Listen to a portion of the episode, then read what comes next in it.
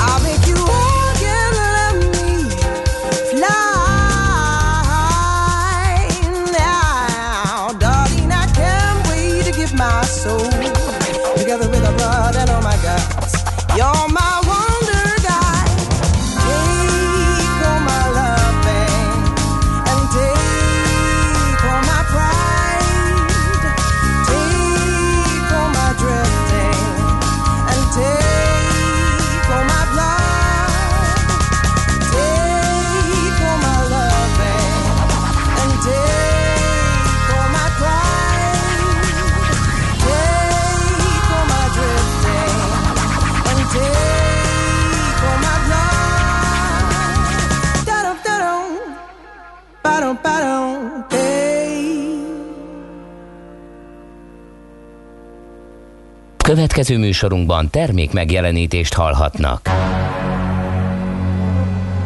A 90.9 Jazzy bemutatja Egy zűrös városban, ahol semmi sem biztos. Csak az adó? Mondom semmi. Ahol a kisbefektetőket senki sem védi meg a tőzsdei kilengésektől, és a sikátorokban leselkedik a kíméletlen hozamgyilkos. Csak négy férfi múlik a közbiztonsága. Hadnagy urak, merre vannak? A mindenre elszánt és korrumpálhatatlan alakulat vigyáz a rendre minden reggel. Hé, kik ezek az állati nyomozók? Négy férfi egyeset és egy nyalóka. Ács Gábor, Gede Balázs, Kántor Endre és Mihálovics András. Az íróasztal mögül pedig Profit kapitány diktálja a tempót. Humor, emberi sorsok, közönséges bűnözők és pénz, pénz, pénz. Egy különleges ügyosztály, a Gazdasági Muppet Show minden hétköznap reggel a 90.9 Jazzin. De is figyelj, ne csak a bárányok hallgassanak. De miért? Ha nincs pénzed azért, ha megvan, akkor pedig azért. Millás reggeli.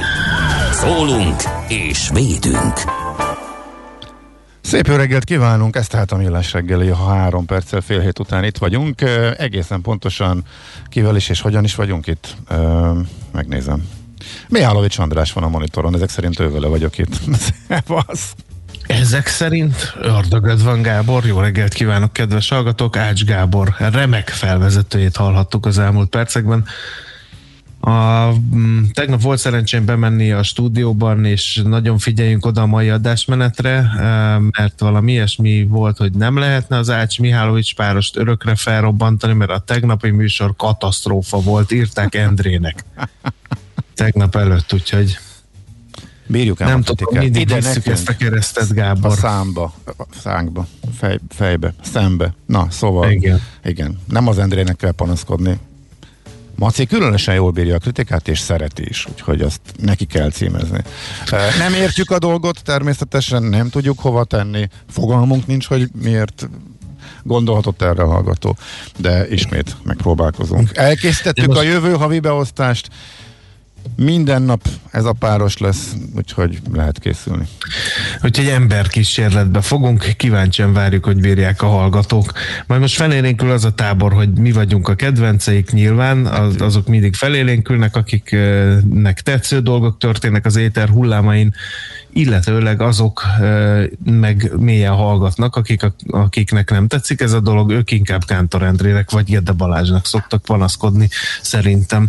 De jöhet a vitriolos kritika, Figyelj. pedig optimista péntek van, De mert nem. hogy 2021. február 26-a van. Nehéz Sok lesz. okunk van, nem lesz az optimizmusra, de kockáztassuk meg. Hát figyelj, ha már a szerelmes futár is ilyet ír, egy kiegészített uh, üzenetben, hogy jó reggel, Cseperről Gödöllőre a köd ellenére jól lehet haladni. Ma semmi ok az optimizmusra, nehéz napok jönnek. Vajon mire gondolhat? Hát a miniszterelnök úr a szerelmes futár, ennyi. Ja, tényleg. Tényleg nem, nem, ó, tényleg, mintha ugyanezt mondta volna. Igen. De van nekem egy, segíts nekem. Ma, ma, ma megint nem értek valamit, de ezt most aztán nagyon-nagyon nem értem. Eh, hogyha jönnek a rosszabbnál rosszabb számok, hogyha azt mondják ma a matematikusok, tu- tudtok, tehát külsős matematikusok, meg a az ilyen kibic matematikusok már úgy számolgattak, meg ránéztek, meg azért egyértelműnek tűnik a dolog, de tegnap a miniszterelnöknek is megmondták a matematikusok, utána kiállt, és utána jött ő is ezzel a nehéz napok jönnek, brutális lesz a fertőzés, következő két hét az égbe száll, akkor nem kéne valamit csinálni. Tehát még életemben nem láttam, legalábbis Mert ne haragudj, de még mit kéne csinálni, Gábor? Zárva az ország. mi van, hogy lenne zárva? Milyen ország? Hát, Melyik ország? Korlátozások vannak, március 15-ig meg is hosszabbították Ja, őket. várj, akkor, akkor ezt a tévedést tisztázzuk. Ja, ha én, én értem, hogy az ország ezt a, annak éli meg, de alapvetően ez egy, ez egy nagyon enyhe korlátozás, amiben mi élünk. A korlátozás az az volt, ami felsorolhatnám az összes európai országban volt, eh, ami Hát a, mondjál néhány példát, tényleg, hát ahogy jobban értik. Hát Angliában, Szlovéniában, Szlovákiában, Csehország, de gyakor- Németországban is voltak olyan időszakok, ami a, amit igazából lockdownnak hívnak, az az, amikor senki sehova, iskola bezárva, élelmiszerbolt patika van nyitva. Hát ez a, kor, ez a lockdown, ez a korlátozás nálunk, ennek egy nagyon-nagyon enyhe verziója volt, és mégis ö, úgy élik meg az emberek, mert hogy mindenki így kommunikálja egyébként, mindkét politikai oldal, meg mindenki, hogy mi ebbe az iszonyatosan eh, nehéz lezárásban élünk. Abban élünk, lezárásban élünk, de ez egy ilyen fél lezárás, amiben mi vagyunk. Nekünk az igaziból egy perc sem jutott, hanem november óta ugyanabban a félig meddig zárunk dologban élünk, és egyébként úgy tűnt, hogy működik is, hogy ezzel az enyhével is sikerül átvészelni. A, a legnehezebb időszakot. Más azon lehet vitatkozni, nem kellett volna addig a szintig eljutni, hogyha ez mondjuk hamarabb jön be, de ezen már rég túl vagyunk, ez egy tavalyi történet. Most az az érdekes, hogy, hogy ebből a fél lezárásból indult be a kommunikáció, hogy akkor most már jövünk kifele, és ennek ugye betett a harmadik hullám, és akkor most kéne okosnak lenni, hogy mit csináljunk. Azt mégsem mondhatjuk, hogy zárunk, vagy hát igazából a számok alapján valószínűleg zárni kéne, illetve azt mondom, hogy a világon mindenki ilyen esetben, amikor a sokkal fertőzőképesebb variáns elkezd robbanásszerűen terjedni, akkor szoktak, akkor mindenki lezárt ilyen esetekben. Mi pedig a fél lezárásban ülünk, és arról beszélgetünk, hogy miért nem nyitunk. Na és akkor innentől nem értem a dolgot.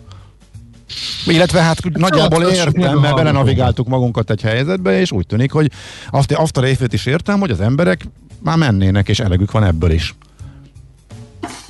És Na, szavaztassuk kezdve- meg a hallgatókat, nem mi Jó. csináljuk már itt a passzát szeret, a jó ég áldjon meg. Akkor mondják meg a hallgatók, hogy mit Elírom. gondolnak, mert én ezt, nekem ez tényleg Elírom, magas. hogy mindig ugyanazt mondjuk, nehogy elrontsuk valamit. Tehát, Figyelj, szerintem Azt egyszerűsítsük mondja, ezt most, lenne legyen ez bonyolult, de tényleg csak egy... mi? Ez nem lesz bonyolult. Mhm. Drága hallgatók, mit tartanátok üdvösnek? A.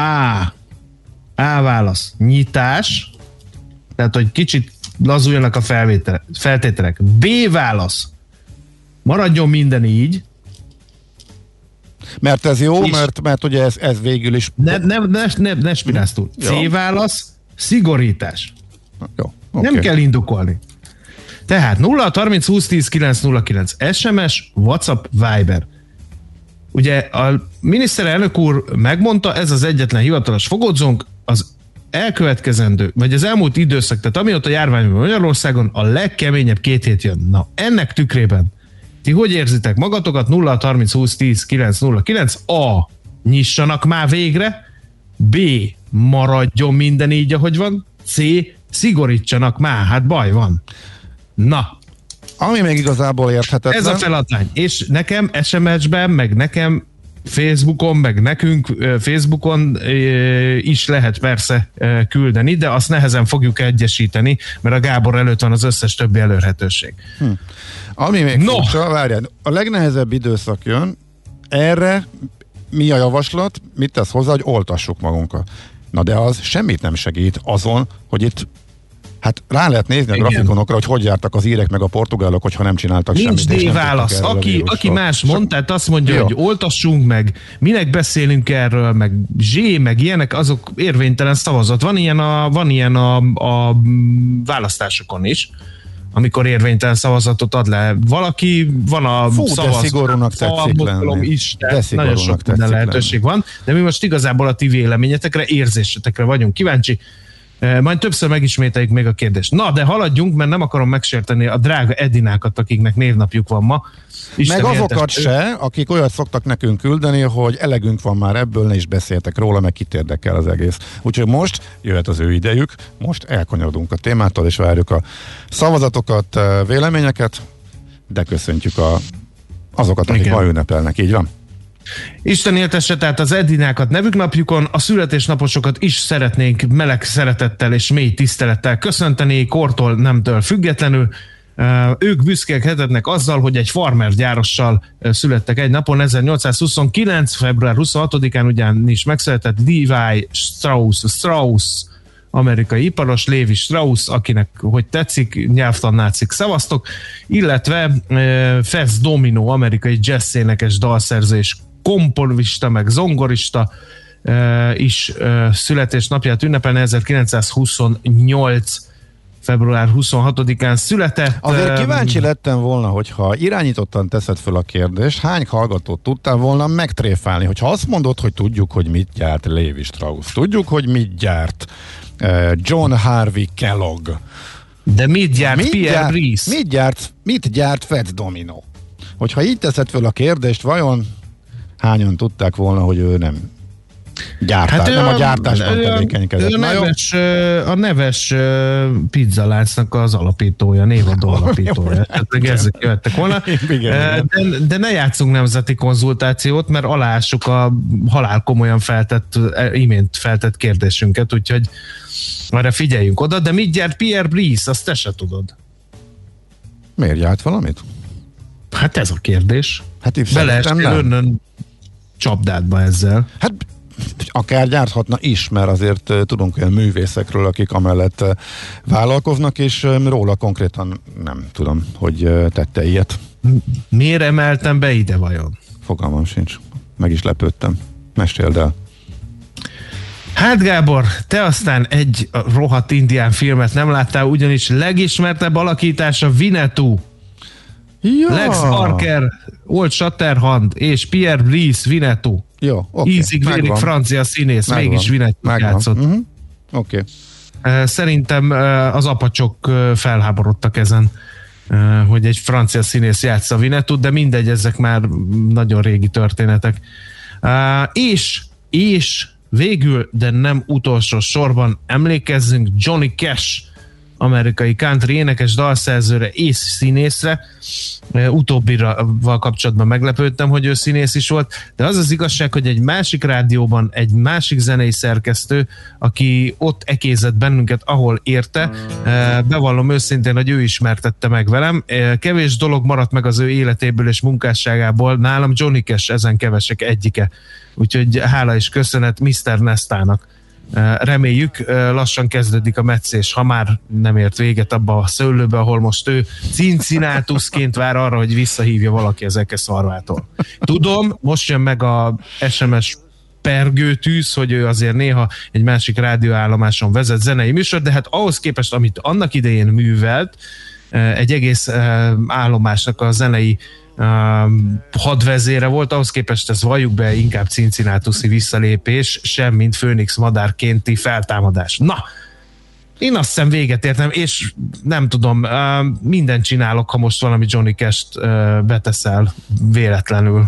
Már el is indult itt, megy alattunk az a dal, amivel ő elbúcsúzott, és egészen elképesztő, ennyire mélyen, meghatóan Óriási egy, kedvencem. Egy, egy, egy, Ne dumáljál már, Johnny Cash-t akarom hallgatni, hogy búcsizik el. jó.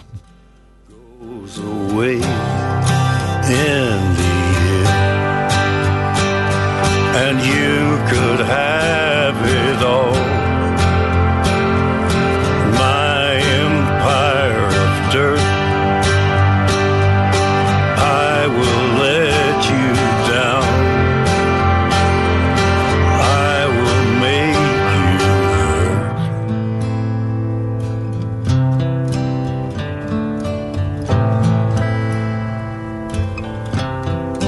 Hell away from me, you hear? I wear this crown of thorns upon my liar's chair, full of broken thoughts I cannot repair. Beneath the stains of time, the feelings disappear. You are someone else. I am still right here. What have I become? My sweetest friend. Everyone I know away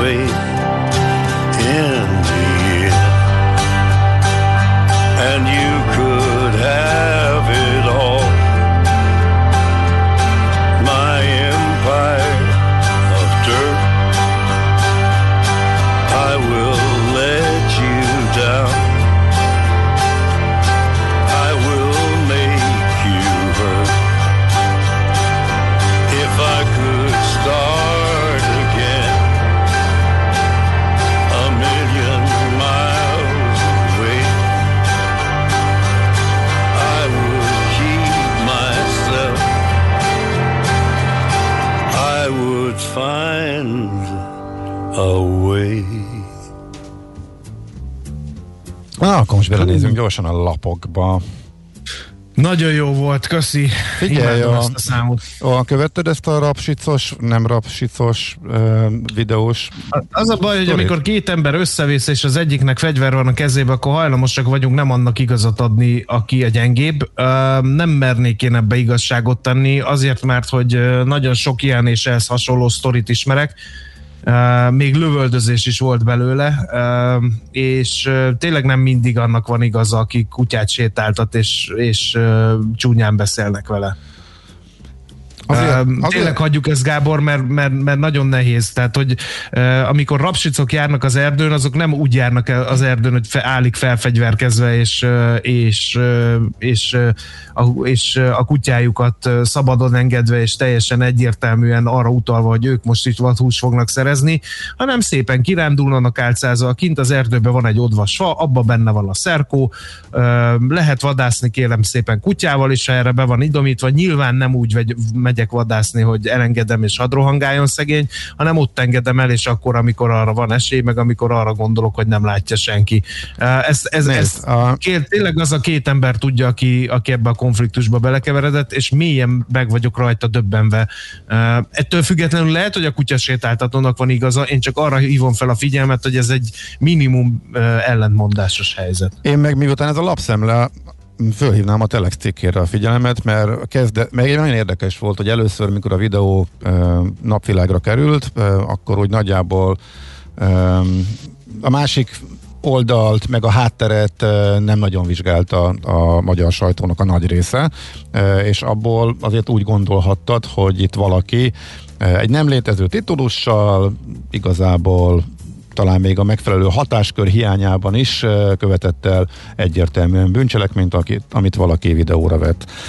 Igen. De a Telex megvette a fáradtságot és odament, beszélt mindkét féllel, és plusz még az egésznek a hátterét is hozzátette, és igen, maga ez, tehát amikor a faluban mindenki tudja róla, hogy kezdetű dolgok sem uh-huh. mindig bizonyulnak igaznak, de egész konkrétan tényszerű lehet mondani, hogy abban a két megyében van a legtöbb rapsic, és az agarakat kimondottan ezért tartják nagyon sokan, nagyon sok családnak ez jelenti a jövedelemforrást, hogy ilyen tevékenységet, ilyen illegális tevékenységet végezzenek, és akkor ez alapján érdemes elgondolkodni és eldönteni, hogy azért ez egy nagyon-nagyon ö, sokrétű probléma, ami így most napvilágra került, és igazából én örülök neki, hogy most mindegy milyen formában, vagy miért napvilágra terült, mert így legalább fölhívta a figyelmet arra. És amíg tudnád, hogy hogy vadászik az agár.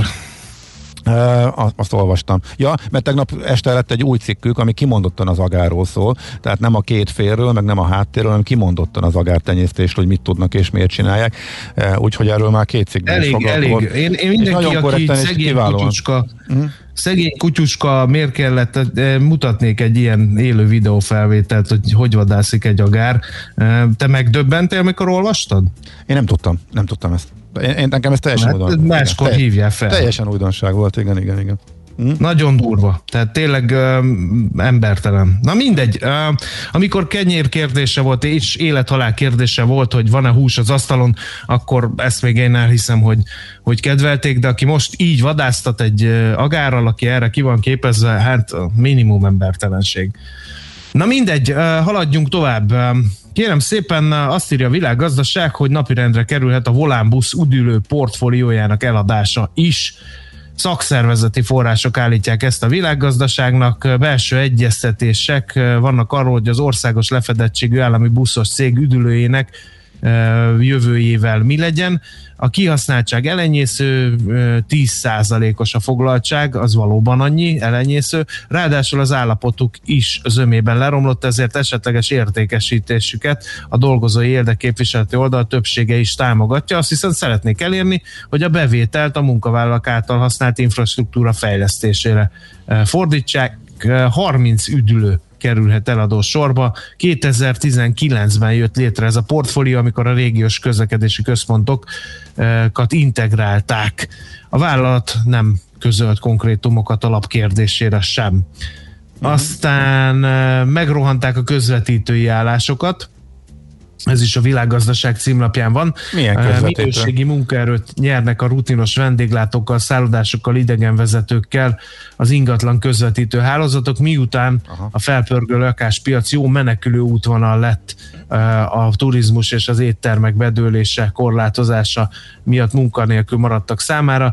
Sokan nyergeltek át az ingatlan közvetítésre. Kérdés, hogy hányan térnek majd vissza eredeti munkájukhoz. Egy, ezt írja a világgazdaság, én meg kiegészítem azzal, hogy a vendéglősből és pincérből, meg idegenvezetőből lett ingatlanos, vajon azt tudja-e, amit én elvárok egy, vagy elvárnék egy ingatlanostól, mindegy.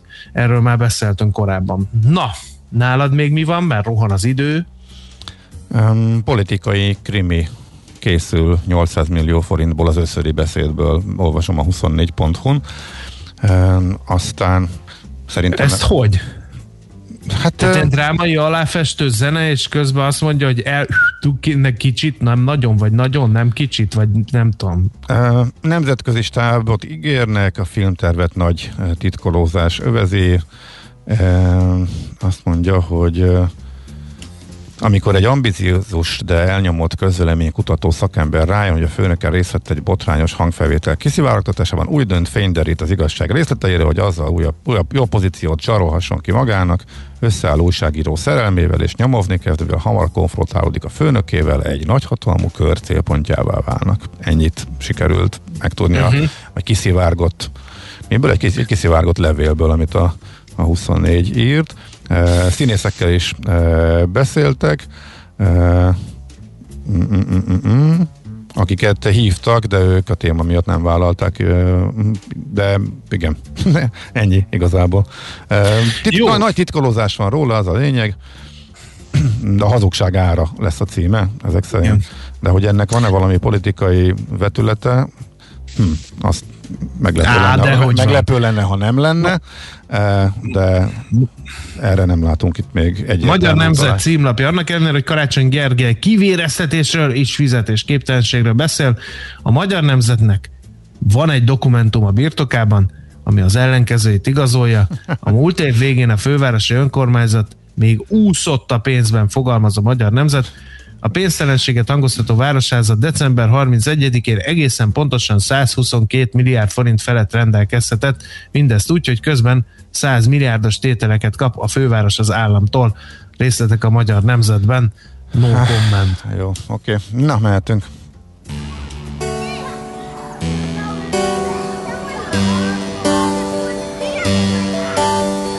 Wow, your soul is a wonderland A child is playing a hide and seek within. She used to dream of a garage band, so sure she'll live an easy living.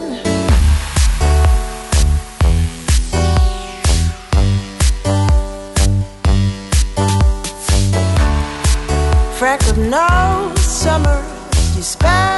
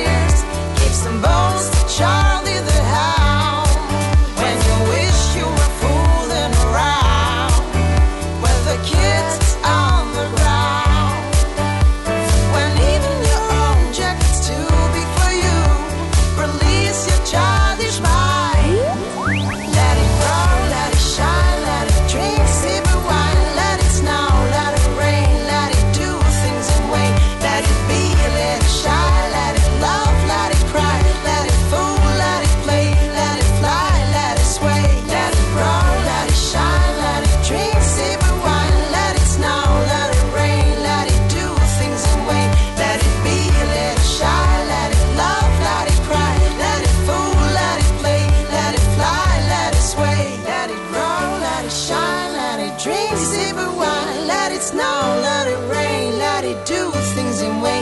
Let it be, let it shine, let it love, let it cry, let it fool, let it play, let it fly, let it sway. Hol zárt? Hol nyit? Mi a sztori? Mit mutat a csárt? Piacok, árfolyamok, forgalom a világ vezető parketjein és Budapesten. Tősdei helyzetkép következik. Kérem szépen, Budapesti értéktős, de majdnem 2%-ot ment fölfelé, 1,9-et 43.999 ponton zárt. Miért nem lehetett a 44 ezeret megcsípni? Valaki még hozzátehetett volna egy nyomorult pontot, hogy a rádiós műsorvezetőknek könnyebb dolga legyen. A vezető papírok mindegyike derék mértékben erősödött, az OTP vitte a zászlót 2,4%-kal 13.420 forintig ment fölfelé, őt követte a Richter 1,7%-os plusszal 8770 forinton zárt, a Telekom ment 1,3%-ot 415,5 forintig, a MOL pedig 1,7 tizedet 2198-ig, nem tudom, mondtam az a OTP 13420-as záró értékét. Um, és uh, hát nézzük még, hogy mi volt az, ami értelmezhető forgalomban még menetelt. Ilyen nem nagyon volt. A Graphisoft Parknak volt egy 2% fölötti erősödése, az Alteónak meg egy 4% fölötti, de ezek ilyen soványka forgalomban, és nagy esések sem nagyon voltak, ami esett az is még, még halványabb forgalomban esett, mint amennyit az előbb emelkedéssel kapcsolatban mondtam a Masterplast-tal és az Alteóval. És még egy fontos hír van, kérem szépen, hogy a Richter ről jött egy hír, méghozzá gyors jelentés. A rekord árbevételt ért el a negyedik negyed évben a gyógyszergyártó, és felülmúlt az elemzési várakozásokat is. A negyed éves adózott eredmény azonban elmaradt a konszenzustól. A teljes 2020-as évet tekintve profit szinten is a rekordot döntött a cég, amiben nagy szerepe volt a Wreiler kiemelkedő amerikai értékesítésének a növekedési kilátások szempontjából kedvező, hogy januárban lezárt egy fontos akvizíciót a cég, amelyel tovább bővült a nőgyógyászati portfólió. A Richter részvényei idén történelmi csúcsra szárnyaltak, és egy jelentős emelkedésen van túl az árfolyam. Mégsem drágák a papírok, sem a szektortársakhoz képest, sem pedig historikus viszonylatban. Ezt az összefoglalót ö, olvastam fel a portfólió cikkéből, amely ugye elemzi a gyors jelentés legfontosabb adatait is, úgyhogy akit nagyon érdekel, bővebben ott olvashat erről. Amerikában ritkán látható dolog történt, esett, és egész nap, és nem vettek bele. Esett, esett, és esett. És ebből lett egy jó két és fél százalékos ö, csökkenés. Az S&P 500-as szintjén, a nasdaq pedig még nagyobb, tehát három és fél százalékos de bukó volt, ilyen már régen volt. Úgyhogy az az érdekes benne, hogy eddig mindig belezsákoltak hasonló helyzetekbe a befektetők, most meg nem, és igazából magyarázatként csak a hozamemelkedést, ugye a kockávatmentes hozam, mint alternatíva növekedését tudják fölhozni a, a szakik, de hát nyilván elképesztő túl értékelődtek részvények, illetve túl terjeszkedett és túlságosan nagy optimizmust árazott be az elmúlt hónapokban mondhatjuk a tőzsde, tehát ha innen esik 10%-ot, akkor sem lepődhetne meg senki elvileg, hogyha az értékeltségi szintekre eh, ránézünk, úgyhogy eh, annyira, ha úgy vesztük, nem meglepő, annyiban meg igen, hogy eh, már eddig is lehetett volna ez alapján komolyabb korrekció, de hogy nem volt.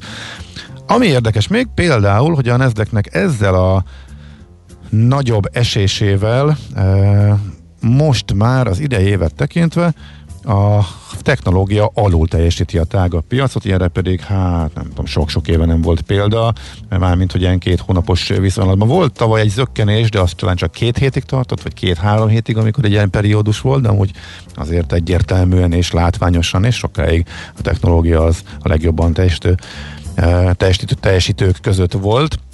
Ami még látványos, hogy így ezzel a mostani zakóval a nasdaq az idei nyeressége már csak 1,8% az S&P 2, a Dow Jones majdnem 3, tehát a Dow Jones vált így a legjobban teljesítő indexé, és a kis papírok, tehát a Russell 2000 az még mindig 10% fölött emelkedett, és a GameStop uh, sztori is újraindult, most éppen duplázódott két nap alatt, ismét miután összeomlott az árfolyam, és megállt uh, 40 dollár fölött, most ismét százon van, ez is egy érdekes dolog. Az Nvidia-nak a kiváló gyors jelentésre megcsapták 8%-ot esett, A Twitter viszont annyira jó volt, hogy tudott emelkedni piaccal szembe, és ezt még talán érdemes ki. Mert nem arról van szó, nem, nem engedték vissza a volt amerikai elnököt, hanem egész egyszerűen azt mondták, hogy um, 2023-ig még simán bebírnak vállalni, tehát bemerik mondani, hogy az éves bevételük az meg fog duplázódni, 7,5 milliárd dolláros bevételt mondtak, ami nagyon kemény, úgyhogy ez volt még érdekes a Wall Street-en. Tőzsdei helyzetkép hangzott el a Millás reggeliben. No, drága hallgatók, mielőtt Szóler Andi híreket mondana, gyorsan megismételjük a kérdésünket. Minden a járvány legnehezebb két hete jön, ezt mondta Orbán Viktor miniszterelnök, de akkor most mit csináljunk? Tesszük fel a kérdést nektek. SMS-ben, Whatsappon, Viberen várjuk az általatok favorizált válasz betűjelét. A. Nyissunk. B. Maradjon minden így, ahogy van. C. Szigorítsunk. És akkor most Szóler Andi és a hírek. Műsorunkban termék megjelenítést hallhattak. Reklám, céges energiafogyasztás, energetikai tudnivalók, teendők és döntések. Tudni akarod, hogyan lehet hatékonyabb a céged? Fontos lenne, hogy pazarlás helyett a megtakarításon legyen a hangsúly. Tudj meg többet az energiahatékonysági megoldásokról. Minden kedden reggel 3.48-kor a Millás reggeliben. A Cég Energia Robot támogatója az Alteo csoport. Alteo.hu Energiában gondolkodunk. A kimagasló nemzetközi sikerek után Magyarországon már aranylemez a legendás Mandoki Soulmate zenekar új dupla stúdióalbuma Living in the Gap és Hungarian Pictures. A közreműködők a Jet Rotal, a Supertramp és a Cream zenekarok sztárjai mellett olyan legendák, mint Aldi Meola, Randy Brecker vagy Cory Henry. Az összesen 35 Grammy díjat nyert zenekar mára már aranylemezzé vált dupla stúdióalbumát. Keresd a boltokban és online. Reklámot hallottak. Hírek a 90.9 Jazzin. Március 15-ig biztosan maradnak a meglévő korlátozások. Jön a digitális oltási igazolvány az Európai Unióban. A kompenzációról egyeztetett tegnap a kormány, a főváros és a kerületek. Ma is kellemes meleg lesz sok napsütéssel, akár 14-20 fokot is mérhetünk. Jó reggelt kívánok, Czoller Andrea vagyok. Március 15-ig biztosan maradnak a meglévő korlátozások. Gulyás Gergely miniszterelnökséget vezető miniszter szerint a járvány harmadik hulláma elérte hazánkat, a számok a következő hetekben várhatóan drámaian növekedni fognak. A következő két hét kifejezetten nehéz lesz. A miniszter szerint eddig 2 millió 460 ezer ember regisztrált az oltásra, Azokat, akik még ezt nem tették meg, arra biztatta, hogy regisztráljanak. Beszélt a konzultációról is, amit szerinte egy hét alatt több mint 425 ezeren töltöttek ki, ezt még március közepéig lehet megtenni. A gazdaságról pedig azt mondta, hogy fenntartják a bértámogatásokat. Szerinte az itt korábban tapasztalható fennakadások elmúltak, már több mint 41,3 milliárd forint támogatási igény van, ebből 39 milliárd forintot ki is fizettek. Jön a digitális oltási igazolvány az Európai Unióban. Angela Merkel német kancellár az Európai Tanács videokonferenciája után közölte, még a nyár előtt bevezethetik a védőoltás beadását tanúsító igazolványt, amelyel szabadabban lehet majd utazni. Az EU tagok önállóan nemzeti szinten vezetik majd be az újítást, de a tagállami igazolványok egy uniós szintű megoldás révén az egész EU-ban érvényesek lesznek. A jövő év végén megkezdődik a hazai koronavírus elleni vakcina gyártása Debrecenben. Az innovációs és technológiai miniszter közölte, a beruházások teljes költsége várhatóan 55 milliárd forint lesz, ebből a koronavírus oltóanyaggyár mintegy 6,7 milliárd forintba kerül. Palkovics László hozzátette azt is, a magyar tudósok szakemberek munkájának eredményeként megszülető hazai vakcinát minden bizonyal nagyobb közbizalom is övezni, mint bármely importált terméket. A következő uniós ciklusban is 1000 milliárd forint jut a főváros fejlesztésére. Fűrjes Balázs közölte, a kormányzat elsősorban fejlesztéseket kíván támogatni, és csak másodszorban az önkormányzatok működését, mert a fejlesztések tartják meg a munkahelyeket és segítenek a vállalkozásoknak, illetve a családoknak, a miniszterelnökség államtitkára tegnap a főpolgármesterrel és a budapesti kerületek polgármestereivel folytatott megbeszélést, amely szavai szerint jó hangulatú volt, és az első állomását jelentette a tervek szerint március végéig lezáruló egyeztetés sorozatnak, amelynek végén szavai szerint megoldást tudnak nyújtani a budapestieknek. Karácsony Gergely azonban eredménytelennek tartja a főváros és a kerületek egyeztetését a kormányjal a kompenzációról. A főpolgármester közölte, a budapesti önkormányzatok nevében négy követelést fogalmaztak meg a tárgyalásokon. Az automatikus kompenzációt az iparűzési adó kiesése miatt, az ingyenes parkolás megszüntetését, Továbbá kérték, hogy az ellenzéki vezetési önkormányzatok kapják meg a korábban megígért, de visszavont támogatásokat, valamint azt, hogy a kormány kezdjen az önkormányzatokkal érdemi tárgyalásokat az Európai Uniós helyreállítási alap felhasználásáról. Közölte, megfontolásra javasolták, hogy a pedagógusokat, az óvodai és bölcsödei dolgozókat vegyék be az oltási tervbe, előbbre sorolva őket saját ügyvédjei sem tudják, hol van Alexei Navalnyi. A fogvatartási központból elszállították az orosz ellenzéki politikust, de hogy hova, azt csak találgatják. Feltételezések szerint arra a börtöntelepre került, ahol le kell majd töltenie a csak nem három éves büntetését. A nyírkos ködös reggelt követően ismét sok lesz a napsütés, de északkeleten és néhol a Dunántúli középhegységben ismét beragadhat a köd. Délután 14-20 fokot mérhetünk, de a tartósabban ködös tájakon csak 8-13 fok várható. Évfélig nem lesz jelentős szél, akkor azonban egy hideg front érkezik majd záporokkal. Köszönöm figyelmüket, a hírszerkesztőt, Czoller Andrát hallották. Budapest legfrissebb közlekedési hírei a 90.9 Jazzin a City Taxi Dispécsejétől. Jó reggelt kívánok a kedves hallgatóknak! A ma reggeli közlekedésben sincs igazán eltérés a megszokottól. Jellemzően a körutakon van erősebb forgalom, és a bevezető utakon is egyre többen élnek a fővárosba. Az M3-ason az m 0 befelé kell erősebb forgalomra számítani. Csepelen a Tellerede úton szakaszosan és időszakosan korlátozásra kell számítani, mindkét irányban burkolatjavítás miatt. Balesetről jelenleg nem tudunk, reméljük ez így is marad. Köszönöm szépen a figyelmüket, további jó utat kívánok! A közlekedési híreket támogatta az Econ Product and Build Kft. A hírek után már is folytatódik a millás reggeli, itt a 90.9 jazz Következő műsorunkban termék megjelenítést hallhatnak.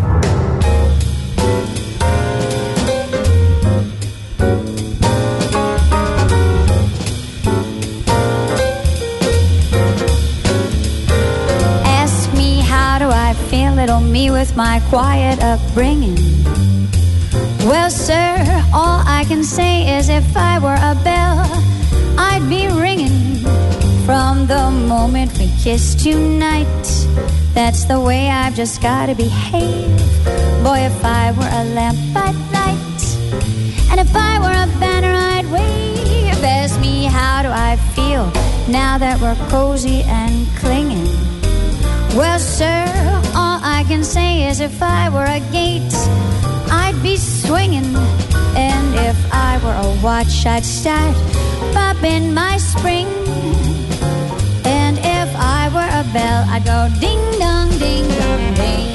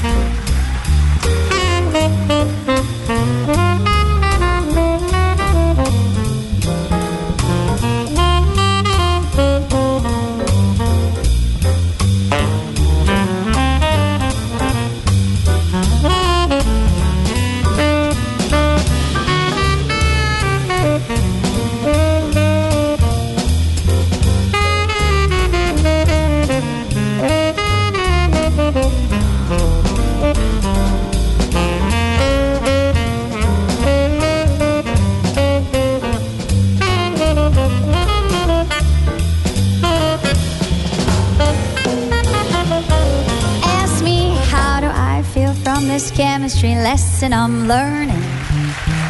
Well, sir, all I can say is if I were a bridge, I'd be burning. Yes, I knew my morale would crack from the wonderful way that you looked.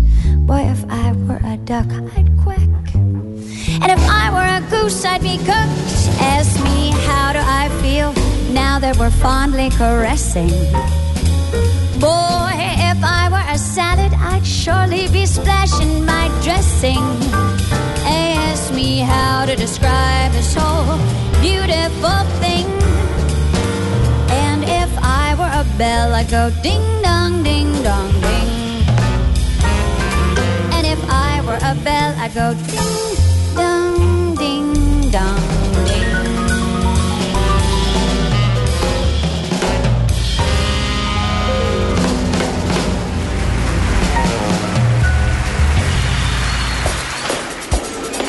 A reggeli rohanásban könnyű szemtől szembe kerülni egy túl szépnek tűnő ajánlattal.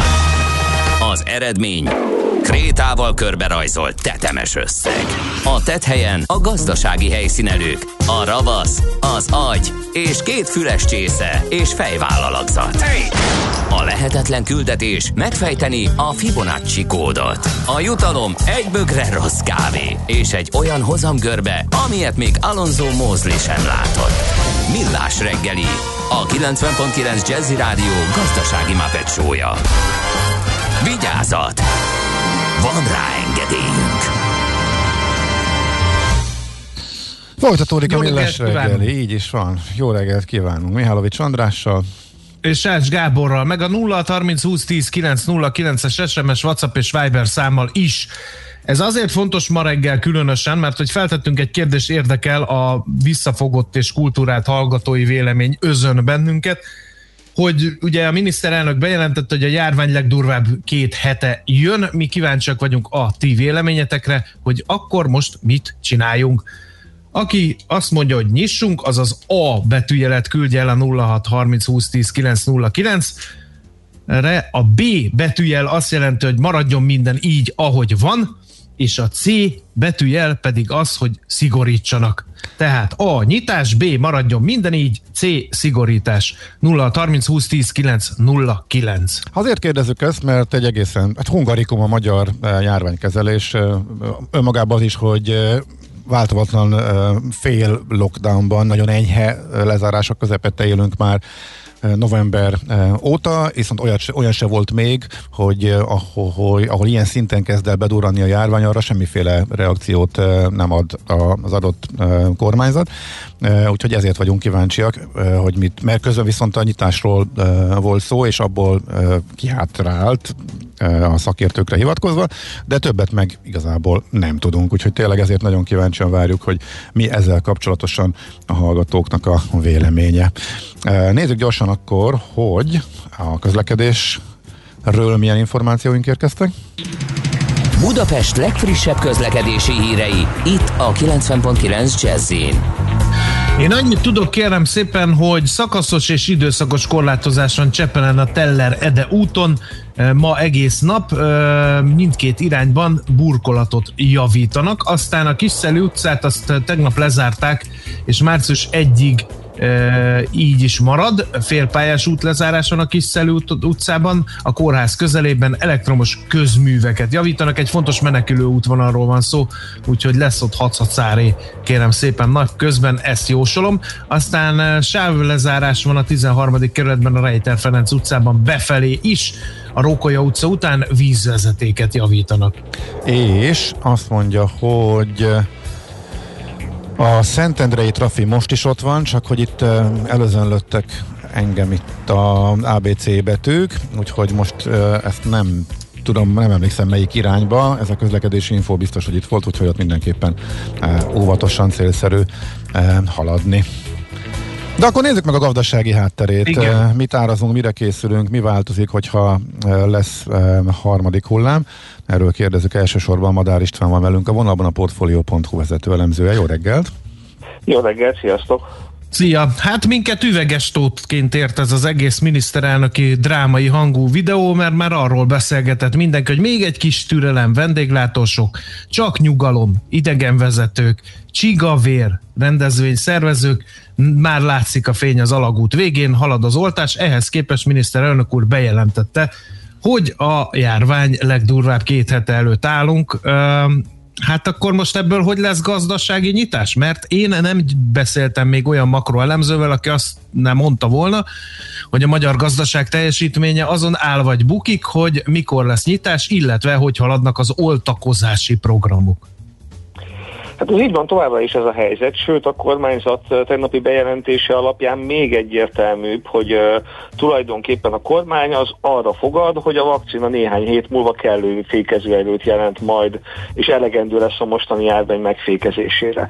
Ugye ha a néhány héttel ezelőtt kijött negyedik negyedéves GDP adat, az mindenkit ilyen hurra optimista hangulatba hozott, mondván, hogy hát ezek szerint, ha november közepén bejelentettek egy szigorítást, korlátozást, lezárást, ugye újra megsemmisítették vele a vendéglátóipari szektor jelentős részét, akkor igazából nincsen gond a gazdasággal olyan nagyon, hiszen még így is tudott növekedni az előző negyedévhez képest.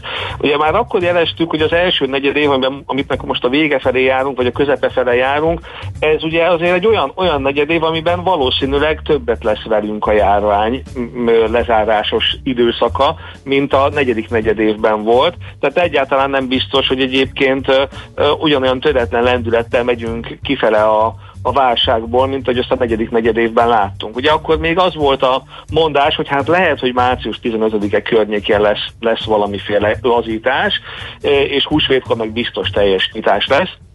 Ugye ezt a, ezt e, a forgatókönyvet támogatta meg tulajdonképpen a kormányzat mindenféle közvetett és kevésbé, kevésbé indirekt módon e, különböző utalásokkal, hogy már mennyire szeretne nyitni. Utólag ez azt gondolom kiderült, hogy hogy elég, elég felelőtlen meg, megoldás volt, és, és csak tovább fokozta az amúgy is türelmetlen lakosság várakozását azzal kapcsolatban, hogy most már tényleg a feloldásoknak kell következnie. Miközben egyébként azért a járvány adatait nézve azért mm, mi már akkor is eléggé csodálkoztunk, hogy ez miért ennyire egyértelmű, hogy nyitni lehet hiszen azért a megelőző hetekben már nagyon-nagyon lassú, finom emelkedés volt a járvány görbében, és egyet tudunk, hogy a járvány exponenciális jellegű ö, ö, jelenség akkor, hogyha nem, nem változtatjuk a külső paramétereit. Már pedig, ha ez így van, akkor lehetett arra sejteni, hogy ez a járvány gyorsulni fog. Ráadásul láthattuk, hogy azokban az országokban, ahol a brit vírus okozza ezt a gyorsulást, akkor az nagyon látványos lesz. És most ugye ott tartunk, hogy Magyarországon jelen pillanatban a tegnapi adatok szerint annyi fert, új fertőzött jött egy nap alatt, amennyi, amennyi regisztrált legalábbis, nyilván az aluldetektálást azt nem tudjuk, amennyi akkor volt, amikor november elején a kormány eldöntötte, hogy szigorítani fog. Uh-huh. Tehát nem, nem feltétlenül jobb a vírus helyzet annál, mint amikor legutoljára szigorítás mellett határoztak. De, le, ugye erre, de erre ugye azt lehet mondani, hogy akkor azóta is ugyanez a szigor van, és ami most van, ez a változatlan szigor, azt is helyre tette néhány hét után, Ráadásul most már a lakosság nagyjából negyede, bő negyede védett, mert vagy átesett a fertőzésen, vagy megkapta a vakcinát, és ugye ez napról napra nő. Másik oldalról viszont az is e, igaz, hogy azért a vakcinál az oltottság azért az nem néhány hét alatt fejti ki a hatását, az exponenciális, exponenciális növekedés veszélye az meg rövid távon áll fönn, úgyhogy azért ez egy nagy dilemma, nem? Abszolút nagy dilemma, hogy a kormánynak igazából azt, a, a, ugye, azt látjuk, hogy a, válság, hogy a válságkezelés és a járványkezelés ez egy politikai természetű ügy, ugye ezt azért e, nem, nem kell szégyelnünk bevallani, és egy ilyen politikai természetű ügyben a, a, tulajdonképpen a kormány két dolgot tud mérlegelni, e, és ezek egymással szemben mennek. Az egyik az, hogy e, nagyon elege van mindenkinek a lezárásokból, különösen azoknak, akiket, akiket súlyos gazdasági kárért, és az árujelbe jegyezzük meg, hogy a kormány bizony nem nagyon igyekezett őket tisztességes módon kompenzálni, és ezért a minél korábbi nyitás, minél eltolod a nyitást, annál inkább ugye ez mondjuk, hogy népszerűségvesztést okoz a kormány számára. A másik oldalon viszont az van, hogy minél inkább uh, hagyod elszaladni a járványt, annál inkább előbb-utóbb a halálos áldozatok száma, az egészségügyi áldatlan állapota és az ismert közegészségügyi, a második hullámból ismert közegészségügyi jelenségek mellett vesztesz a támogatásból, mert azt, lát, azt, látja, azt látja a, a, a társadalom, hogy nem kezeled jól a járványt. Ugye, tehát van, van két egymással ellentétes folyamat, és ebben kellene megtalálni a kormányzatnak a, a, a, az ideális számára ideális megoldást, és, és az valószínűleg nem az a két szélső érték, hogy sose zárjunk le, meg sose nyissunk ki, meg most azonnal csináljunk valamit, és ezért dönthetett valószínűleg a kormány, hogy március 15-ig még megnézi ezt a dolgot, és hogyha úgy lesz, ahogy most a járványügyi modellezők mondják nekik, ugye akkor ez a március 15 egyébként hozzávetőleg egyébként, mivel a megelőző hét vége fele kell dönteni, egyébként tényleg nem, nem több két hétnél. Ha két hét múlva valóban ilyen nagyon durván magasak lesznek a számok, akkor akár dönthet úgy is a kormány, hogy még szigorítani fog, vagy bízhat abban, hogy a jó idő és a, és a beoltottság az, az segít, és ugye a, itt, itt jön a, a, a te megfogalmazott másik kérdésed, hogy, hogy, hogy segít a beoltottság. Ugye ez, ez egy verseny az idővel tulajdonképpen. Érezhető, hogy a kormány is minden kommunikációjával arra fekszik rá, hogy növelje a, az oltás irányi igényt. Ugye egyelőre 2,4 millió ember regisztrált egyáltalán, úgy, hogy egyébként az utóbbi napokban mindig ezt a számot mondták, tehát úgy tűnik, mintha nem is nagyon javulna ez az arány, tehát hogy, hogy nem is nagyon tud több embert elérni ma Magyarországon a kormány, hogy, hogy oltakozzon, miközben e, gyaníthatóan ez a 2,4 millió ember nem, egy, nem, nem nagyon esik egybe azzal a 3 millióval, aki egyébként e, meg rászorulna az időskora vagy a krónikus betegsége okán. És hogyha ezeket elkezdjük számolgatni, akkor, és nagyon szigorúak vagyunk, és azt mondjuk, hogy két oltással alakul ki a, a védettség, az is egy kis csúszással, és legalább 3 millió embert be kellene oltani, akkor bizony nem nagyon látszik az, hogy májusig ebből, ebből hogy van annyi, annyi beoltott, ami már valóban biztonsággal védi az embereket. Most pedig ugye erről február végén beszélgetünk, tehát, és úgy, hogy a járvány akár hétről hétre vagy napról napra nagyon látványosan romolhat. Tehát a, a, az esélyek azért romlanak a, a kormány stratégiája szempontjából, de nyilván nem lehet kizárni egyébként, hogy, hogy valóban ez lesz, a, ez lesz a következmény, de azt is látni kell, hogyha két hét múlva dönt a kormány a szigorításokról azért, mert addig nagyon meredeken emelkedik a járványgörbe Magyarországon, akkor bizony el lehet mondani azt majd utólag, hogy újra, újra elkésett a kormány, és újra uh, indokolatlanul magas áldozatot uh, uh, vállalt be és végül ugyanoda jutottunk, hogy ugyanúgy le kell zárni a gazdaságot, csak kicsivel több halottunk lesz, és kicsivel meg megtépázottabb egészség. Hát végül is, ha kicsit középtávon nézünk rá, vagy mondjuk akkor nem is az elkövetkező egy-két hónapról beszélünk, akkor hasonlóra juthatunk, mert ha abból indulunk ki, hogy előbb-utóbb úgyis, és most mindegy, hogy két hónap ide, vagy három hónap oda, meg lesz az átoltottság, azért vérkeznek majd a fölpörög a vakcinagyártás, és őszre azért összejöhet az a szint, ahol már visszaszorítjuk a, a járványt, akkor viszont lényegében csak az a kérdés, hogy ez hogy ez a harmadik hullám mennyire fut föl, és mennyire emberáldozattal számolhatunk pluszban. Tehát akkor végül is le lehet egyszerűsíteni erre is a, a kérdés, nem? Illetve, hogy erre a gazdasági szereplők erre számolnak, vagy a gazdaságnak ez már pont tök mindegy, a gazdaságot nem szokta érdekelni az emberáldozat, hogyha a középtávú cél változatlan, hogy összeoltottság és gazdasági föllendülés, akkor erre igazából a gazdasági szereplők nem reagálnak. A várakozások nem változnak, akkor sem, hogyha mondjuk itt egy hirtelen nagy megugrás lesz. Biztos, hogy a gazdasági szereplők reagálnak rá, ugye például azok, akik mondjuk tavaszi nyitásban reménykedtek, és mondjuk vendéglátóipari egységeket üzemeltettek, azoknak ez nagyon rossz szín, hogyha, hogyha kiderül, hogy esetleg még akár a nyár elején is uh, csak korlátozottan tudnának működni. Ugye amit mondasz, hogy hosszú táv, hosszú távra kapcsolatban két nagyon fontos tanulság van, a, ami, ami, ami a rövid távú logikának ellentmond. Az egyik az, hogy nem igaz, hogy van olyan átváltás, adott járványügyi helyzet mellett, hogy vagy a gazdaságot véded, vagy az egészségügyet. Ugyan látszólag minden döntés ezt csinálja, de ahogy most te is rávilágítottál, az a helyzet, hogy valójában előbb-utóbb le kell zárni, hogyha a járványt nem fékezed meg, csak akkor később. És ugye lehet, hogy rövid távon védted a gazdaságot, de lehet, hogy hosszabb távon nem. A másik hosszú távú válasz pedig az, hogy mi természetesen mindenkinek az a célja, hogy minél tovább, minél hamarabb nyithassunk.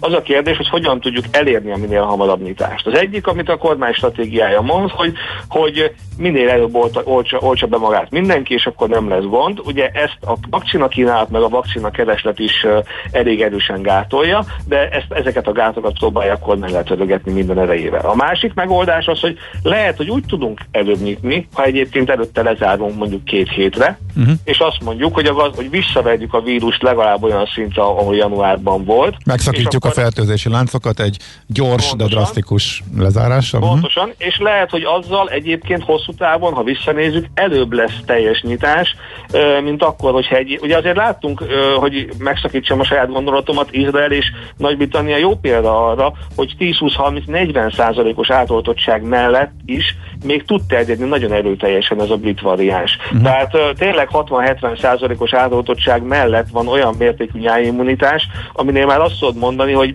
szakadnak a fertőzési láncok, és mérséklődik a, a járvány. Legalábbis ezek a, ezek a jelenlegi tapasztalatok. Rossz hírem van egyébként, mert mi feltettük ezt a, ezt a kérdést, hogy akkor a hallgatók mit gondolnak, hogy nyissunk, maradjon minden így, vagy szigorítsunk. Én a Facebookon is ezt közé tettem, még nem reprezentatív, és természetesen sosem lesz az, de, de hirtelen elsöpört mindent az A válasz, azaz a nyissunk. Itt Erről a, beszéltünk, és ezt érzi itt, valószínűleg a kormány itt, is. Itt, itt nálam nem. nem, itt azért nálam nem. Itt azért teljesen más az eredmény, amit a hallgatók itt beírtak nekünk SMS-ben, Viberen, illetve nem teljesen más, hanem nagyon-nagyon vegyes, és nagyon-nagyon érdekes és tanulságos lesz a végeredmény. Igen, ez, ez ugye azért azt, az őszinték lehetünk azzal kapcsolatban, hogy érezzük, hogy a, a társadalomban van egy ilyen járványmondat. Tehát az teljesen egyértelmű, hogy nagyon nehéz minden országban egyébként Európában, és a, az európai járványkezelés az nagyon tanulságosan tér el egyébként akár az ázsiaitól is. Az individualista európai emberek sokkal nehezebb olyan típusú fegyelmezettségre szoktatni és elvárni, és olyan áldozatokat kérni tőlük a járványkezelés érdekében, amit Dél-Kelet-Ázsiában, akár demokratikus országokban is elvártak, és, és a társadalom szereplői gond nélkül megtettek. És ez nem panaszkodás, mert az élet, élet egészséges ide, időszakában ez egy tök jó dolog, ugye, hiszen, hiszen mindenki szeret szabadságban élni, és, és, és individualista lényként önállóan dönteni mindenről, és, és kevésbé alkalmazkodni különböző nagy társadalmi célokhoz, és ez látszik, hogy nem csak Magyarországon, egész Európa folyamatosan a húz meg, erez meg játékot játsza. A politikus csak akkor mer szigorítani, amikor, e, amikor a társadalom jelentősebb része azt, azt mondja, hogy jó, tényleg, igen, befogom a számat, nem akarok több, többet nyitástól beszélni, mert látom, hogy nagyon nagy a baj. És ezt látjuk, hogy, hogy hullámról hullámra újra és újra előjön. Hiába van több tudásunk arról, hogy a, hogy a nem lezárás az újra ellódítja a járványt, közben mindenkinek még inkább elege van az egészből, és ezért még nehezebb új, újra lezárásokról, vagy a lezárások fenntartásáról beszélni. Lehet, hogy ezt egyszer majd mindenféle ilyen társadalomtudósok ezt elemezni fogják mélyebben is, de minden esetre Európában nem könnyű járványt kezelni, ezt világosan látjuk. Mm. Uh-huh, Oké. Okay. Na hát nagyon szépen köszönjük, sok érdekes dilemmára rávilágítottál. A hallgatókat, a véleményét pedig továbbra is várjuk ezzel kapcsolatosan. Folytatjuk majd hamarosan. Szép napot, jó munkát! Köszi nektek is, sziasztok! Szia, szia! Madár Istvánnal a Portfolio.hu vezetőelemzőjével eh, beszélgettünk az elmúlt néhány percben. Fú, nagyon gyorsan a budapesti híreket bigyesszük ide, jó? Csak, eh, csak címszavakban. Budapest, Budapest, te csodás! Hírek, információk, érdekességek, események Budapestről és környékéről.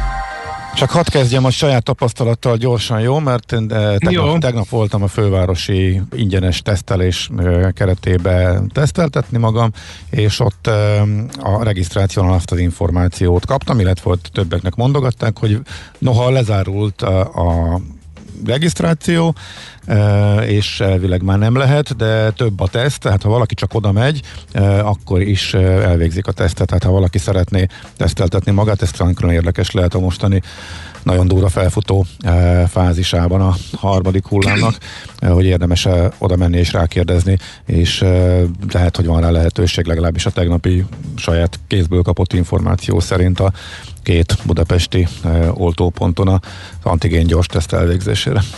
Budapest, kimaradtan no. csak budapestieknek szólt, tehát agglomerációban élőknek nem érvényes, budapesti lakcímkártya szükséges hozzá, ez fontos. Igen.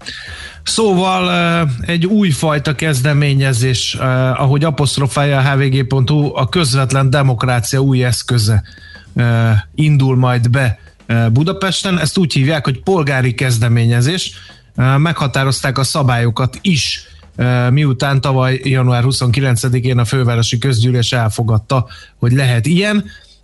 Ha egy kezdeményezéshez ezer budapesti csatlakozik, a kezdeményezővel a főpolgármester, a főpolgármester helyettes vagy más megfelelő szakértelmű munkatárs folytat egyeztetés. Ha legalább tízezeren összejönnek egy ügy mellett, akkor azt az ügyet a fővárosi közgyűlés megtárgyalja, és az ülésen az ügy kezdeményezője is felszólalhat. A 14 éven felüli budapestiek kezdeményezhetnek, vagy csatlakozhatnak a kezdeményezéshez, tehát a közügyek alakítójaként a fiatalabbak is beléphetnek a képbe. Interneten keresztül ügyfélkapus azonosítással is be lehet majd nyújtani, és azokhoz csatlakozni is lehet ugyanazon a felületen. Erre személyesen is mód lesz azonban az általános ügyfélszolgálati irodán. A kezdeményezéseket a főjegyző az elintézhetőség szempontjából előzetesen vizsgálja, és a meghatározott feltételek esetén teszi őket majd közzé. Úgyhogy bővebben a szabályokról majd még szerintem fogunk beszélni. Nekünk a Gellért hegy a Himalája. A Millás reggeli fővárossal és környékével foglalkozó rovata hangzott el. Műsorunkban termék megjelenítést hallhattak. Tervezés, szervezés, irányítás, ellenőrzés. Kössük össze a pontokat. Logikusan, hatékonyan. Észjáték. A Millás reggeli logisztika rovata minden kedden 3.49-kor. Együttműködő partnerünk a Váberes csoport, Magyarország első számú logisztikai szolgáltatója.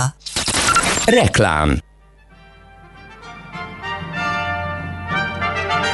Vendégségben önnél. Hallgassa online a Nemzeti Filharmonikus Zenekar és a Nemzeti Énekkar koncertjeit. Csupán egy kattintás, és már is varázslatos zenei élményben lehet része az egész családnak. Ne maradjon le semmiről. Kövesse a Nemzeti Filharmonikusok közösségi felületét, keresse online koncertjeit a www.filharmonikusok.hu weboldalon. Reklámot hallottak. Rövid hírek a 90.9 Jazzin. Jelentősen emelkedik hétfőtől az országgyűlési képviselők fizetése.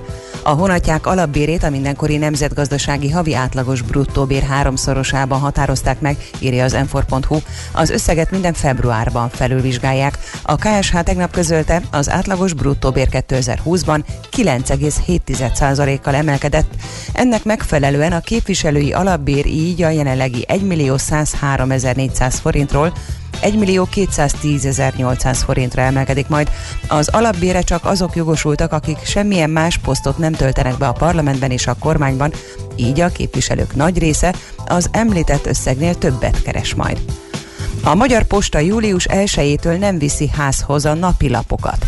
A hvg.hu értesülését a posta ügyfélszolgálatán megerősítették, az előfizetőket a napokban értesítik a gazdasági okokból meghozott döntésről, a Blick és egyes MediaWorks kiadványok esetében ez a napilaphoz kapcsolódó csomagra is vonatkozik, amelyben egyebek között kiskegyed, az automotor és több műsorúság található, a többi előfizetett heti lapot és folyóiratot továbbra is a kézbesítő dobja be a postaládákba.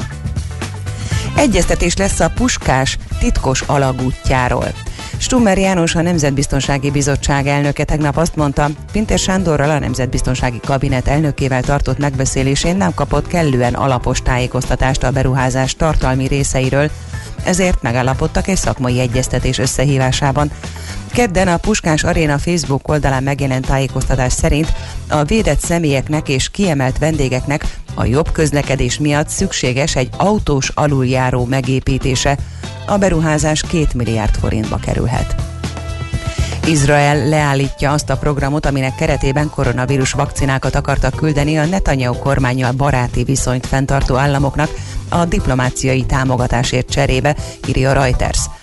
Előzőleg többen is kifejezték nem tetszésüket az ötlettel kapcsolatban, a kormány úgy akart többek között Magyarországnak is oltásokat adni, hogy az izraeli megszállás alatt lévő palesztin területekre néhány ezer adagot küldtek összesen.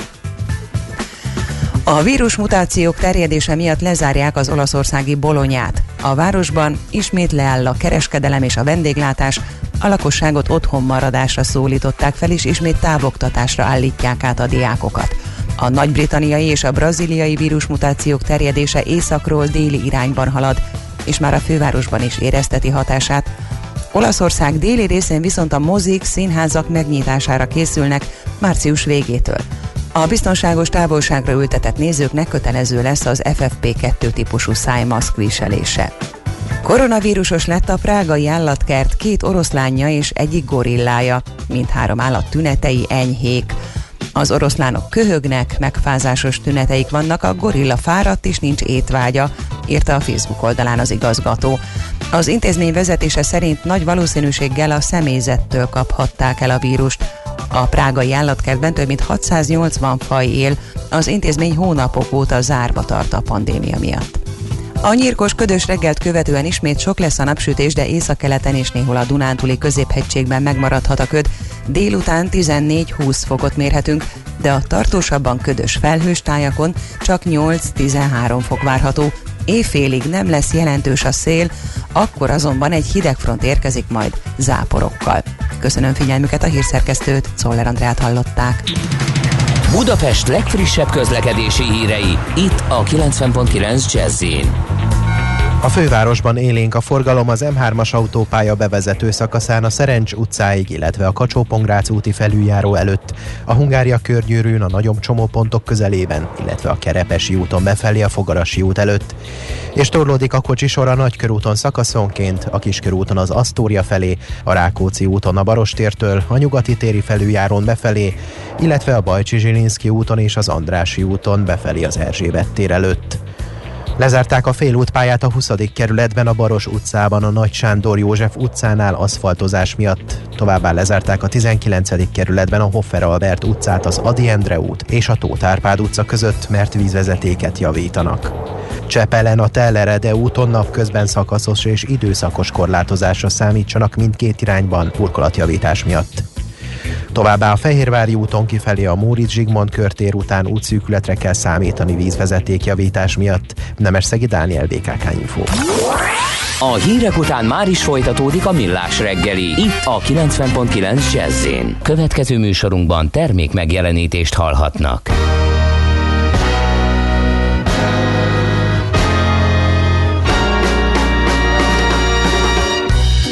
It's Willow want oh will or won't.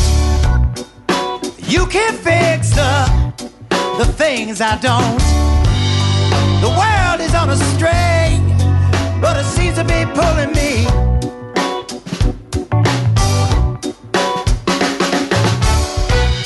Well, it's kind of right, or the right kind. Should I keep the the things I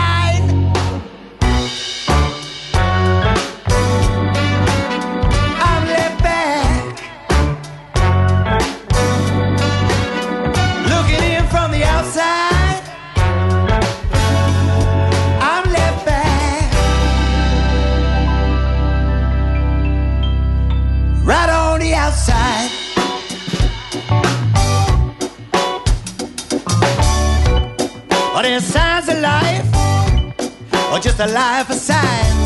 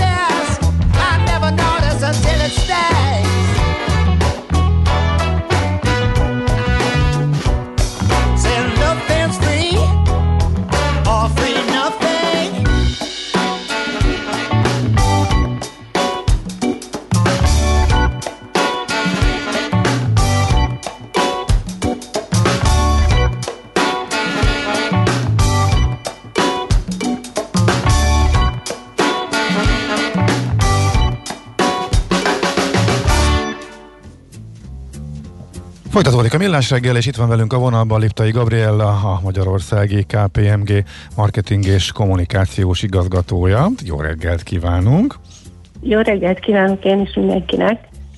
És a Highlights of uh, Hungary a téma, melynek egyébként egyik jelöltjével beszéltünk még a mm, mozgás rovatunkban is, és egyébként is szóba került már a műsorba. Most a ti, illetve a te szemszögödből szeretnénk kicsit rávilágítani, megvilágítani ezt a dolgot.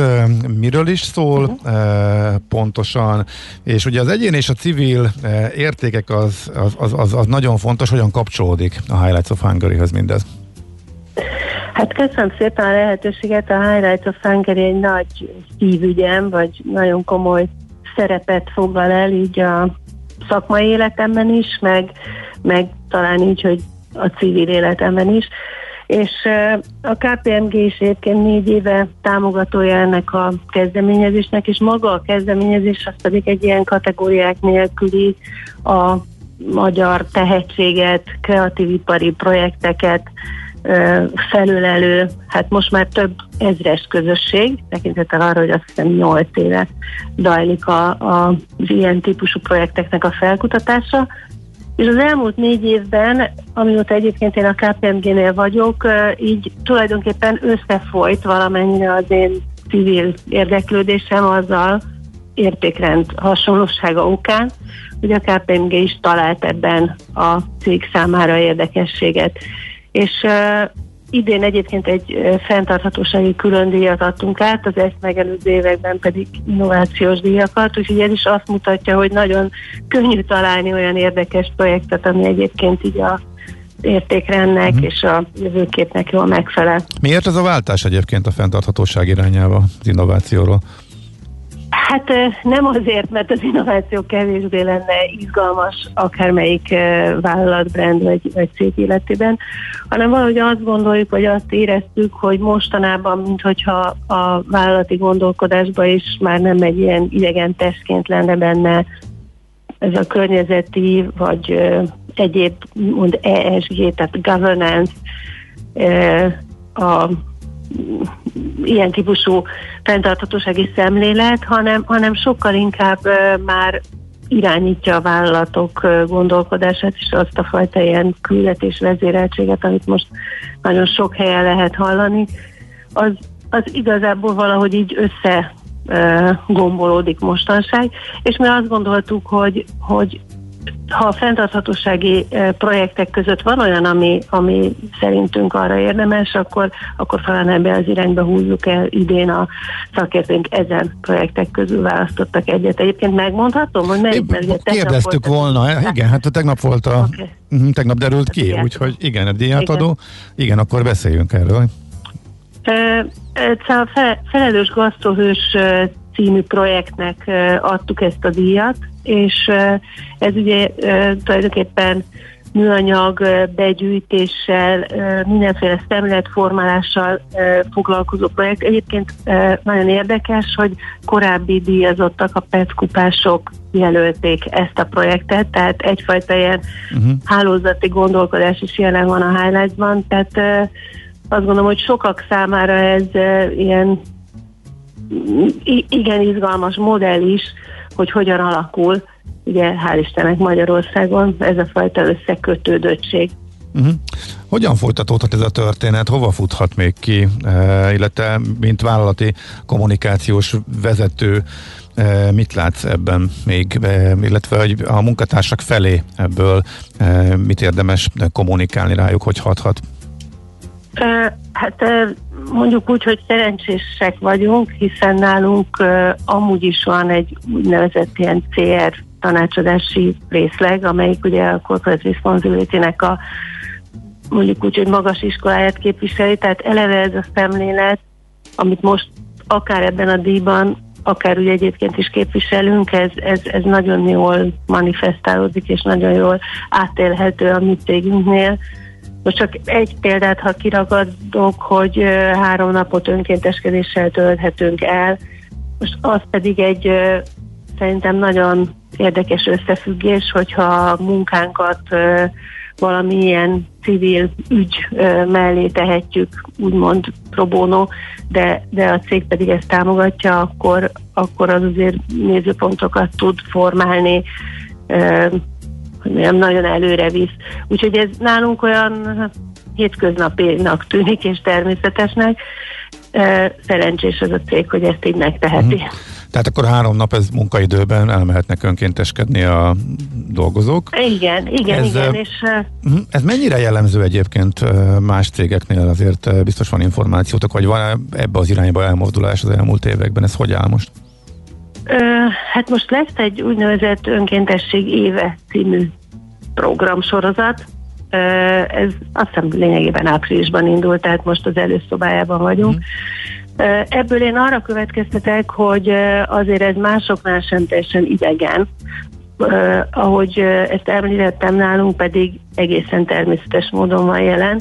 Én úgy tudom, hogy azért a nagy cégeknél nem csak az önkéntes munka, hanem egyébként, hogy olyan uh, kezdeményezéseknek, vagy olyan projekteknek segítségnek, amely az adott cég uh, saját uh, tevékenységéhez tud kapcsolódni, és azzal a tudással tud hozzájárulni, vagy azzal a kompetenciával, amit szívesen kölcsönöz át másnak. Most olyanokra gondolok, hogy mondjuk mi is könyvvizsgálói próbónó tevékenységet folytatunk nem egy nagy civil szervezetnek, amely civil szervezetek aztán azzal a pecséttel, hogy őket a KPMG auditálta, nyilván mondjuk a szponzorációs piacon, vagy partnerségek keresésében sokkal hatékonyabban tudnak jelen lenni. Tehát ilyesmire gondolok, hogy ha egy-egy cégnél mondjuk a ha lehet mondani, volt cégem Magyar Telekom, nyilván a technológiával tudnak segíteni adott mhm. esetben. Mi ugye, ahogy említettem, könyv, könyvvizsgálattal tudunk segíteni. Tehát, hogy inkább ezeket a, a természetes összekapcsolódásokat tartom én jónak, és azt hiszem, hogy ilyesmiben az önkéntesség már több cégnél manifestálódik. Uh-huh. Oké, okay. nagyon szépen köszönjük, hogy beszélgettünk erről. Szép napot, jó munkát kívánunk! Köszönöm szépen, minden jót. Minden jót, viszont hallásra.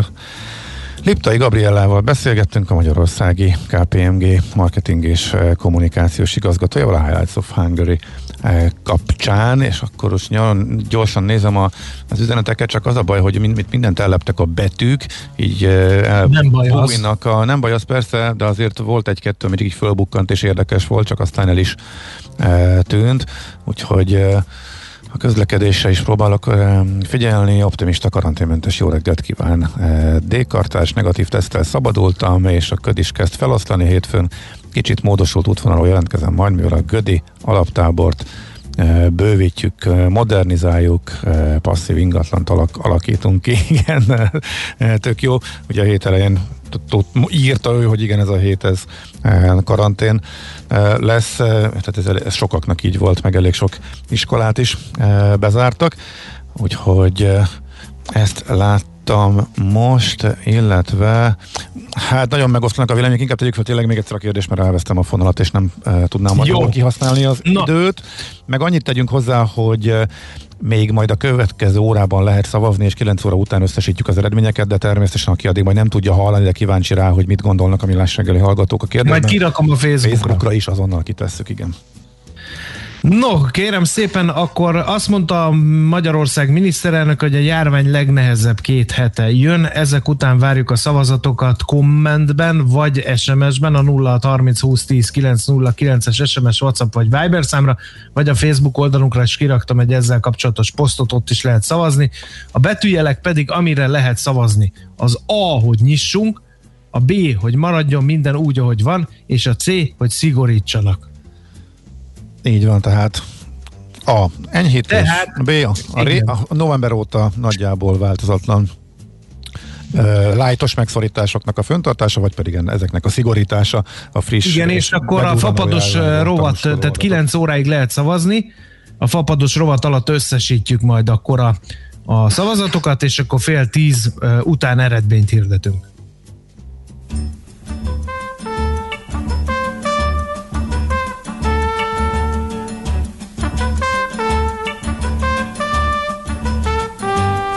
Walk along the city streets you used to walk along with me.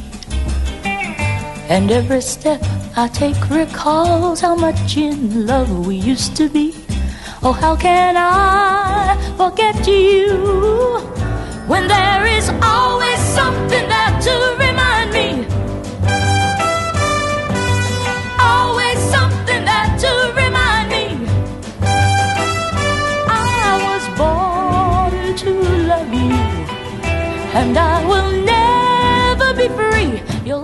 a part of me. Oh. When shadows fall, I pass a small cafe where we would dance at night. And I can't help recalling how it felt to kiss and hold you tight. Oh, how can I forget you when there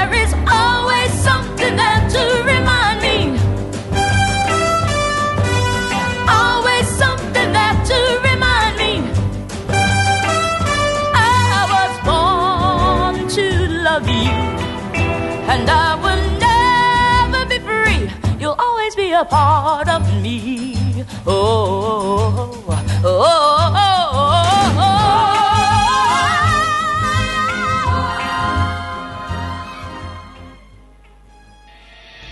Mi a pénteki konklúzió a hét legfontosabb eseményeinek és adatainak tükrében? Zárjuk a pozikat és pihenjünk rá a hétvégére. Milyen események hatnak a piacra a hétfői nyitásban? Devizák, részvények, tőke és árupiacok. Heti események és jövő heti felkészülés. Értékpercek. A millás reggeli treasury rovata következik. Csillag Zsigmond van a vonalban, az OTP Global Markets osztályvezetője. Jó reggel, szia! Jó reggelt, sziasztok! Hát az MNB kamat döntését harangoztuk be hétfőn, nagyon fontos lesz, eh, volt is rá némi reakció, eh, de hát globális szinten nyilván a hozamemelkedés eh, játszott, Magyarországra is begyűrűvött, de nem tudom mennyire volt összefüggésben például a kamat döntéssel, szóval milyen hatást láttatok? Azért is gondoltam, hogy beszéljünk a, a Nemzeti Bank kamatdöntő mert én azt gondolom, hogy ők is felhívták a figyelmet a következő időszakban várható ö, ö, kockázatokra, elsősorban inflációs kockázatokra. Tapasztalható egyébként az utóbbi hetekben, leginkább az utóbbi egy hétben, hogy, hogy hozamnövekedés látszódik, a, főleg, főleg ugye az amerikai állampapírokban. Egyébként a, a- Nemzeti Bank ellensúlyozza ezt folyamatosan a kötvényvásárlási programmal, ezen a héten is növelték, tehát bejelentették, hogy 60 milliárd forintra növelik a, a heti limitet, ami, amit nagyjából ilyen ti- e, 10 év lejáratú államkötvényekre költenek, de, de vehetnek akár, akár rövidebbeket is. Ezzel szemben, ugye, mint említettem, felhívták többször a, a- közleményben a, a figyelmet arra, hogy az inflációs kilátásokban nagyon sok a, a bizonytalanság, és ennek, vagy, vagy emiatt próbálják a, a, a rövid oldali kamatokat viszonylag magasan tartani. Továbbra is fenntartják azt az álláspontot, hogy az alapkamat fölött próbálják tartani a het, az egyheti betéti tendernek a, az árazását. Ugye ez már egy jó ideje így van, és nagyon óvatosan értelmezésem szerint megágyaztak annak is, hogy akár ezen emelhetnek is a, a, a, következő idősz, időszakban, hogyha a meglepetés lesz az inflációs számokban. Egyébként az ő várakozásuk az nem, nem túl magas a piaci várakozáshoz képest. Most, most nagyjából ilyen kett, most 2,7%-os infláció jött januárra, a, a maginfláció ennél jóval magasabb volt 4,2%. A, a Nemzeti Bank azt várja, hogy 4% körülre emelkedhet márciusban a, az infláció. Egyes piaci elemzők szerint ez 5% felé is, fölé is mehet, és hogyha ha ezeknek az, az elemzőknek lesz, lesz igazuk, és bejön ez a, a várakozás, akkor, akkor én azt gondolom, hogy, hogy a jegybank is várhatóan lépni fog a rövid kamatok tekintetében, hogy egy ki- kicsit hűtse a környezetet. Uh-huh. Oké, okay, ez milyen lépés lehet? Én, én azt gondolom, hogy első, első lépésben a, a, a rövid egyhetes betéti kamatot tudják emelni, az a legkézenfekvőbb, de, de rengeteg olyan eszközük lehetséges, amit, amit bevethetnek. konkrétumokat erről nem árulnak el, illetve ők nem is, tehát a, a Nemzeti Bank nyilván nem szokta előre kommunikálni ezeket a lépéseket, ők, ők csak annyit jeleznek ilyenkor, hogy, hogy készen állnak a megfelelő eszközök bevetésére az én számításaim szerint ez a, a legkézenfekvőbb, legelsőbb, vagy, vagy legközelebbi eszköz, vagy legkönnyebben változtatható eszköz, amit bevethetnek. Nyilván ez csak egy spekuláció a részemről, abban az esetben, hogyha az infláció az, az valóban e, megugrik, és, és mondjuk tartósan 4% felé, e, fölé tud menni, ezt a tartósan, ezt több hónapra e, gondolok. E, Ebben a legnagyobb bizonytalanság egyébként az, hogy, az, hogy mikor tud kinyitni az ország. Az utóbbi pár hétben azért romlott a, a kilátás. Ez látszódik is egyébként most a, mind a devizárfolyamokon, mind, mind pedig a, a részvényárfolyamokon. Tehát, hogy, hogy eléggé romlott annak a, a, a kilá, vagy az a kilátás, hogy, hogy, hogy mikor tud teljes mértékben kinyitni az ország. Mindenki arra számított, hogy azért már márciusban lehet némi enyhülés. Most úgy, úgy néz ki, hogy, hogy április előtt nem, nem számíthatunk semmire. És ez, ez látszik azért... egyébként, ez megmutatkozik a forint árfolyamán, illetve a tőzsdei esésben is ebbe ennek lehet, vagy le, lehet ennek némi köze, vagy ez attól független, amit látunk a piacokon? Én azt gondolom, hogy, hogy a, a forint folyamán már látszódik. Tehát látszódik az, hogy, hogy a feltörekvő piacokkal szemben megint egy kicsit, a, kicsit elkezdett a, a piac óvatos lenni. Ugye 300, hozzászoktunk, az utóbbi hetekben nagyon, nagyon beszűkült az euróval szembeni kereskedés, 357, 358, 359-50 környéke volt a teteje, és most az utóbbi napokban 360 fölé jöttünk, ma reggeli edzés már 362 környékén van. Ez azért a, az utóbbi idő szűkülő range képest egy, egy, egy jelentős emelkedés. Mi nem számítunk nagyon nagy, nagyon nagy elszállóra innen, de, de kényelmesen, tehát a 65-67 környéki szinteket megnézhetjük, hogyha ha jön egy kicsi részvénypiaci megingás. A magyar tőzsdén nem, nem látszódott még ennek a hatása. A, a tengeren túli tőzsdéket pedig inkább a, a hozamemelkedés és a, az emelkedő inflációs várakozások azok, amik borzolták. Ott, ott most azért voltak idegesebb napok, nagyobb, nagyobb, esé, nagyobb esésekből forduló emelkedés. Tegnap azért elég csúnyán zártak az indexek. Én nem nem temetném még a, a részvénypiacot, de az a majdnem lineárisan emelkedő trend szerintem szépen lassan el fog tűnni a piacokról. Uh-huh. Oké. Okay.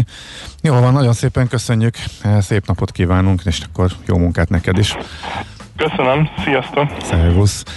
Csillag Zsigmonddal beszélgettünk az OTP Global Markets osztályvezetőjével. Hát a jegyban kikama döntéstől kiindulva e, a hozamemelkedés egyértelmű világ trendjén át a részvénypiaci hatásokig.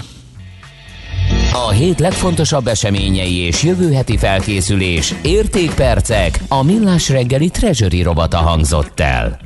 Hallgató azt írja, hogy hiányzik az idő határozó a pontos e, válaszhoz, mert hogy például lehet, hogy három hét szigor után lehetne e, nyitni. Egy, egyébként egy ilyen verzió szóba került a Madár Istvánnal folytatott beszélgetésünkben. A kérdés kimondottan arra vonatkozik, hogy a friss és e, nagyon durva romlást e, mutató járványadatok kapcsán most per pillanat a következő heteket illetően milyen döntést látnának jónak, vagy látnátok jónak, kedves hallgatók. Tehát akkor az, hogy egy gyors párhetes szigorítás, és utána remélhetőleg majd az lecsökkenti plusz hat az oltás, és utána nyitunk, ez a, ez a szigor verzió, tehát ugye ez a, az a C, ugye? A igen. Igen, igen.